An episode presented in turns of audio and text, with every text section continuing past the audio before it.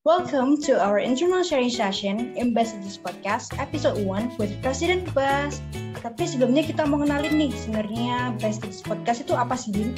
Nah, jadi Messages Podcast itu adalah sesi sharing internal yang bahas banyak hal nih, mulai dari cerita di Bas sendiri, kuliah, pengalaman, sampai ke hal-hal unik lainnya bersama bintang tamu yang tentunya keren-keren dong.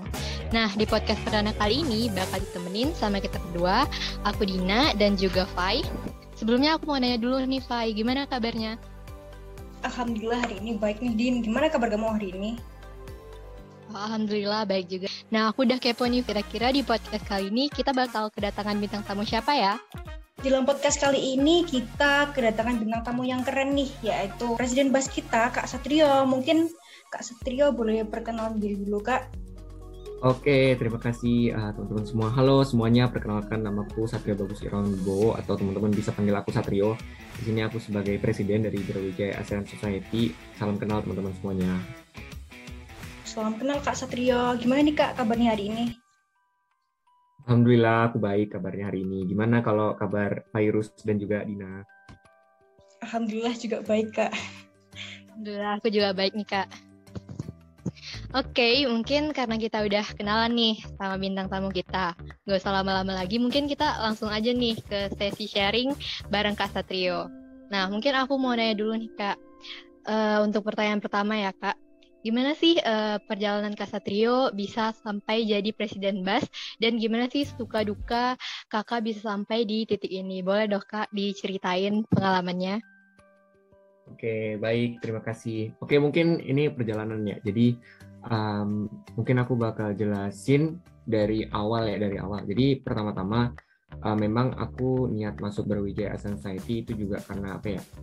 Uh, itu tahun lalu ya tahun 2021 bulan Maret aku ingat aku apply jadi staff staff eksternal uh, di mana ya awalnya aku uh, cuma ini aja join join sebagai organisasi doang gitu kayak ya udah deh aku coba-coba um, mengembangkan diri aku mengembangkan potensi diri aku di bas ini gitu aku percaya bahwa bas ini merupakan ladang yang tepat gitu untuk mengembangkan diri aku sendiri nah setelah aku beberapa bulan ya setelah beberapa bulan itu aku ngerasa bahwa bas ini memiliki potensi yang besar gitu memiliki potensi yang besar cuma uh, menurut aku di tahun kepengurusan itu potensi itu belum bisa dimaksimalkan sebaik mungkin gitu.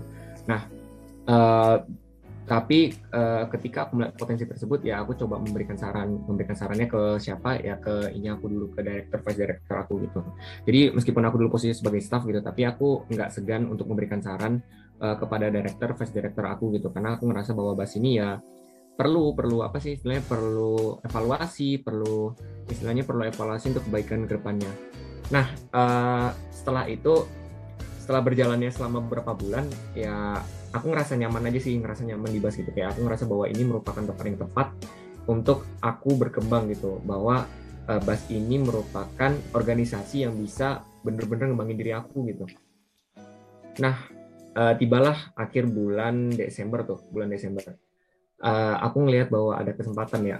Bahwa ada kesempatan kalau uh, para staff itu bisa apply. Meskipun uh, apply fixnya apply ininya itu di bulan Februari atau Maret ya cuma aku ngerasa uh, di bulan Desember itu aku udah ngeliat bahwa ada peluang gitu untuk kita mendaftarkan diri sebagai presbas um, sebenarnya dulu aku takut sih ada beberapa takut itu insecure lah istilahnya insecure uh, ke beberapa orang lain gitu yang ada di bus bahwa ya aku ngerasa bahwa aku masih belum sebaik itu dan aku masih berasa kualitas aku masih jauh di bawah itu dan ya aku ngerasa belum pantas aja sih untuk apply sebagai presiden langsung apalagi dari staff doang. Biasanya kan yang apply itu kan dari staff baru ke BOD baru ke BOI biasanya begitu ya dalam organisasi. Cuma kan aku itu dari staff langsung ke presiden. Yang cuma ya nggak apa-apa aku coba-coba aja gitu kan kayak uh, nothing tulus aja aku nyoba-nyoba aja. Dan ya di bulan Februari Maret itu aku coba apply itu. Aku apply dan ya ternyata alhamdulillahnya aku bisa lolos gitu.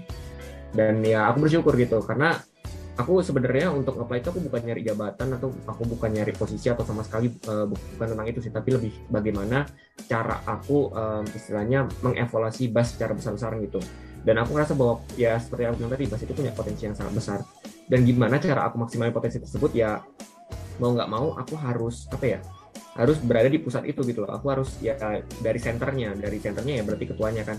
Berarti dari ketuanya yang mengarahkan para BOD-nya, di mana BOD nanti mengarahkan staffnya.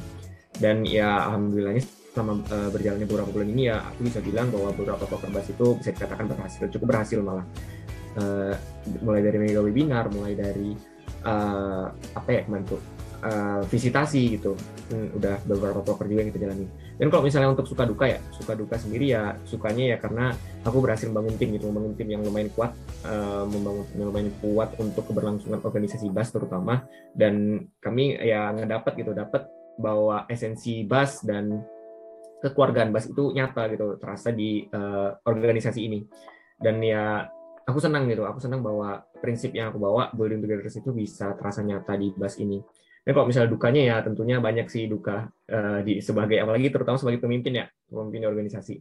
Di mana uh, kayak ya misalnya ini deh sekarang sekarang kan Jody ada yang KKN staff-staff juga ada yang KKN kayak teman-teman kalian lagi pada KKN nih otomatis ada yang bolong dengan posisi beberapa posisi bolong. Dan ya itu aku harus memikirkan cara gitu. Aku harus muter balik kotak dengan wakil aku dengan vice aku si Cornell bagaimana caranya supaya basis itu tetap berjalan meskipun teman-teman pada KKN semua. Uh, terus ya beberapa masalah internal juga harus aku selesaikan secepat mungkin gitu. Di mana ya akhirnya itu mengasah uh, skill problem solving aku. Mungkin itu sih dari suka duka dan perjalanan aku sebagai presbas Oke, wah ternyata untuk sampai di titik ini nggak mudah ya kak, banyak lika-liku dan juga pastinya tantangan. Keren banget sih pengalamannya kak Satrio nih. Mungkin selanjutnya kayak mau nanya nih kak, versi Kak Satrio sendiri nih, mana sih caranya biar bisa balance antara organisasi di BAS sendiri, kuliah, dan juga kehidupan sehari-hari nih Kak? Boleh dong Kak kasih tips and trick nih Kak, biar bisa balance gitu Kak? Oke, okay, oke, okay, oke, okay. thank you. Jadi uh, biasanya ya aku lakukan supaya balance antara uh, organisasi, antara kuliah dan juga kegiatan sehari-hari aku ya, kehidupan sehari-hari aku. Mungkin uh, yang pertama aku bakal lakukan itu adalah dengan membuat skala prioritas jadi uh, teman-teman pasti pernah mendengar yang namanya skala prioritas. Jadi aku biasa ngecatat gitu, biasa ngecatat. Uh, aku hari ini ada kegiatan apa aja, mau ngapain aja gitu. Dan itu aku urutkan berdasarkan prioritas aku. Jadi apa yang aku anggap penting itu aku lakukan terlebih dahulu. Kayak misalnya dalam satu hari, misalnya ya ada rapat, uh, misalnya rapat BOD dan juga ada rapat uh, ini juga ya, ada rapat uh, staff juga. Kayak misalnya kan aku masuk juga ya ke ini kalian departemen kalian gitu. Dan juga ada tugas kuliah. Biasanya ada gitu uh, biasanya hal yang aku lakukan adalah aku berusaha membagi waktu dan melaksanakan hal yang uh, aku anggap lebih penting terlebih dahulu. Di mana yang aku anggap lebih penting terlebih dahulu adalah tentang pendidikan. Karena memang tujuan kita masuk uh, universitas, universitas mana pun itu kan memang awalnya kita tentang pendidikan ya, tentang bagaimana kita meraih pendidikan sebaik mungkin. Jadi yang awal aku lakukan adalah aku berusaha menyelesaikan tugas aku terlebih dahulu secepat mungkin.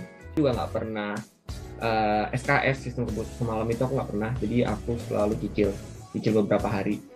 Itu aku cicil-cicil dan membuat uh, skala itu lagi. Jadi setelah aku ngerjain itu ada nih dua rapat lagi ya antara rapat BOD sama rapat staff. Nah biasanya kalau misalnya bentrok, aku bakal nanya nih ke uh, ke BOD kalian. Kalau misalnya rapatnya penting, uh, aku berarti harus dual device. Tapi kalau misalnya rapatnya salah satu nggak penting, berarti aku harus tinggalin salah satunya. Dan aku akan uh, me, istilahnya mendelegasikan Cornell gitu untuk menggantikan aku. Nah biasanya gitu. Terus kalau untuk kehidupan sehari-hari, sebenarnya kehidupan sehari-hari aku ya paling cuma apa ya? Cuma uh, nongkrong sama teman itu nongkrong sama teman tapi ya aku nongkrongnya ada tujuan gitu. Di mana biasanya aku mendapatkan uh, wawasan baru. Aku juga ngedapetin koneksi baru. Itu biasanya penting. Jadi uh, paling nongkrong ya aku malam biasanya. Uh, kalau memang sempat aku bakal nongkrong sambil rapat di luar gitu. Dan itu bukan masalah bagi aku. Dan uh, apalagi kehidupan sehari-hari? Uh, itu aja sih mungkin kalau misalnya kehidupan sehari-hari itu oh iya terus sama ini sih kayak uh, tentang bagaimana kita uh, beres-beres ya kalau misalnya kalian di kos gitu kalau misalnya di rumah itu kan kita harus beres-beres ya. Ya itu biasanya aku lakukan di pagi hari gitu di pagi hari pas kita baru bangun beres-beres. Kalau misalnya sempatin olahraga sempatin olahraga nah baru laksanakan aktivitas tadi kayak misalnya kerjain tugas kerjain tugas berorganisasi. Nah biasanya aku bakal mengarahkan organisasi itu di malam hari. Biasanya gitu sih Wah, berarti time management ya Kak Satrio bagus nih teman-teman bisa jadi inspiration gitu ya buat kita kalau misalnya uh, scheduling itu memang harus penting gitu, harus bikin skala prioritas juga mana yang kita duluin, terus juga penting banget ya Kak ya untuk refreshing gitu di tengah kesibukan kayak misalnya nongkrong sama teman kayak gitu kan ya. Oke. Okay. Penting banget sih. Oke, okay, uh, eh, selanjutnya kita ke sesi seru-seruan aja sih kak. Aku mau nanya nih kak ya, denger-denger nih ya kak Satrio itu katanya pernah terlibat cinta beda agama gitu ya kak ya. Kira-kira bener nggak ya? Gimana sih pengalaman kak Satrio tentang cinta beda agama itu? Mungkin boleh dong kak sharing-sharing pengalaman dan juga pandangannya kayak gitu. Oke, okay. Aduh, cinta beda agama ya. ya, ya jujur iya pernah aku pernah pernah mengalami cinta beda agama. Ini langsung jelasin aja ya berarti ya. Uh, pengalaman aku jelasin aja ya. Jadi ya, ya. Per, ah, pertemuannya itu ya nggak disangka-sangka sih. Sebenarnya aku juga nggak ngira gitu bahwa ya aku harus ngalamin hal ini gitu. Kayak apa ya?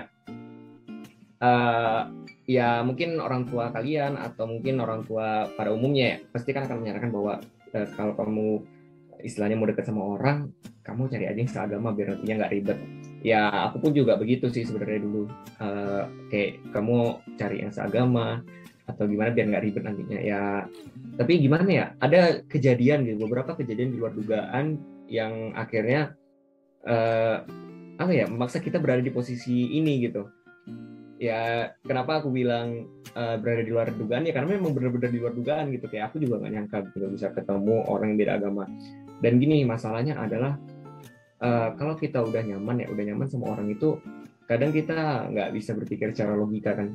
Dan itu yang terjadi gitu sih sebenarnya kayak aku tahu gitu loh cinta beda agama itu sulit memang sulit. Apalagi ya kita hidup di tengah ya di tengah masyarakat yang memang sulit ya untuk uh, melaksanakan pernikahan beda agama atau misalnya apa pun lah yang berkaitan beda agama.